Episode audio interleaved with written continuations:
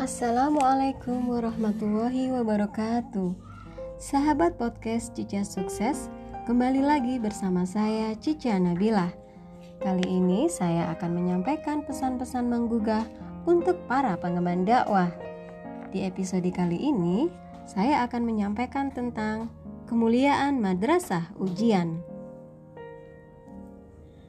Saudaraku aktivis Islam anda semestinya merasa bangga jika saja Anda bersabar pada saat didera oleh berbagai kesulitan dan tegar di atas kebenaran setelah didera cobaan demi cobaan.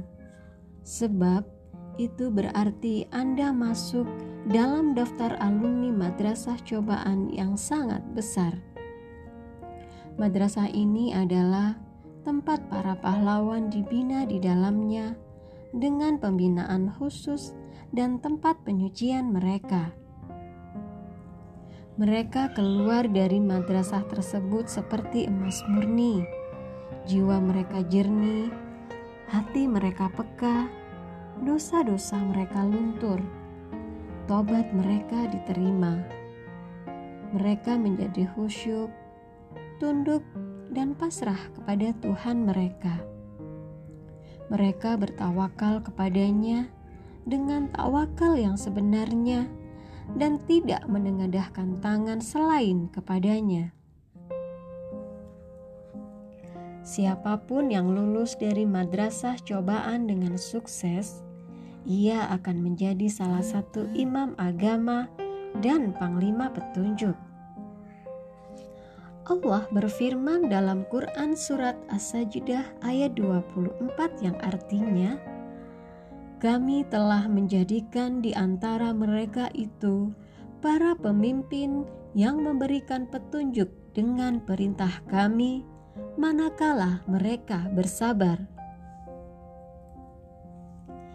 Banyak sekali tokoh hebat yang lulus dari madrasah cobaan ini mereka misalnya Amar bin Yasir, Bilal bin Robah, Suhaib Ar-Rumi, Salman Al-Farisi, Hobab bin Al-Aros, Hubaib bin Adi, dan para sahabat lainnya.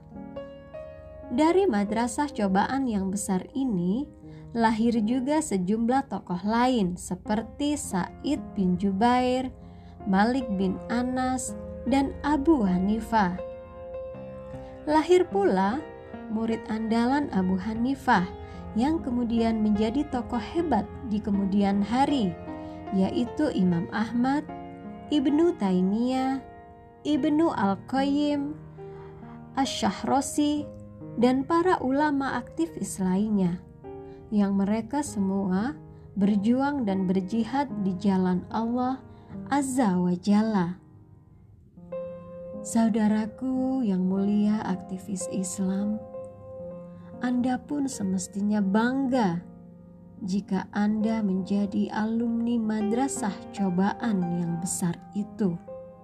Yang pemimpin dan guru pertamanya adalah Rasulullah Muhammad Sallallahu Alaihi Wasallam yang pernah bersabda, "Aku sering disakiti di jalan Allah."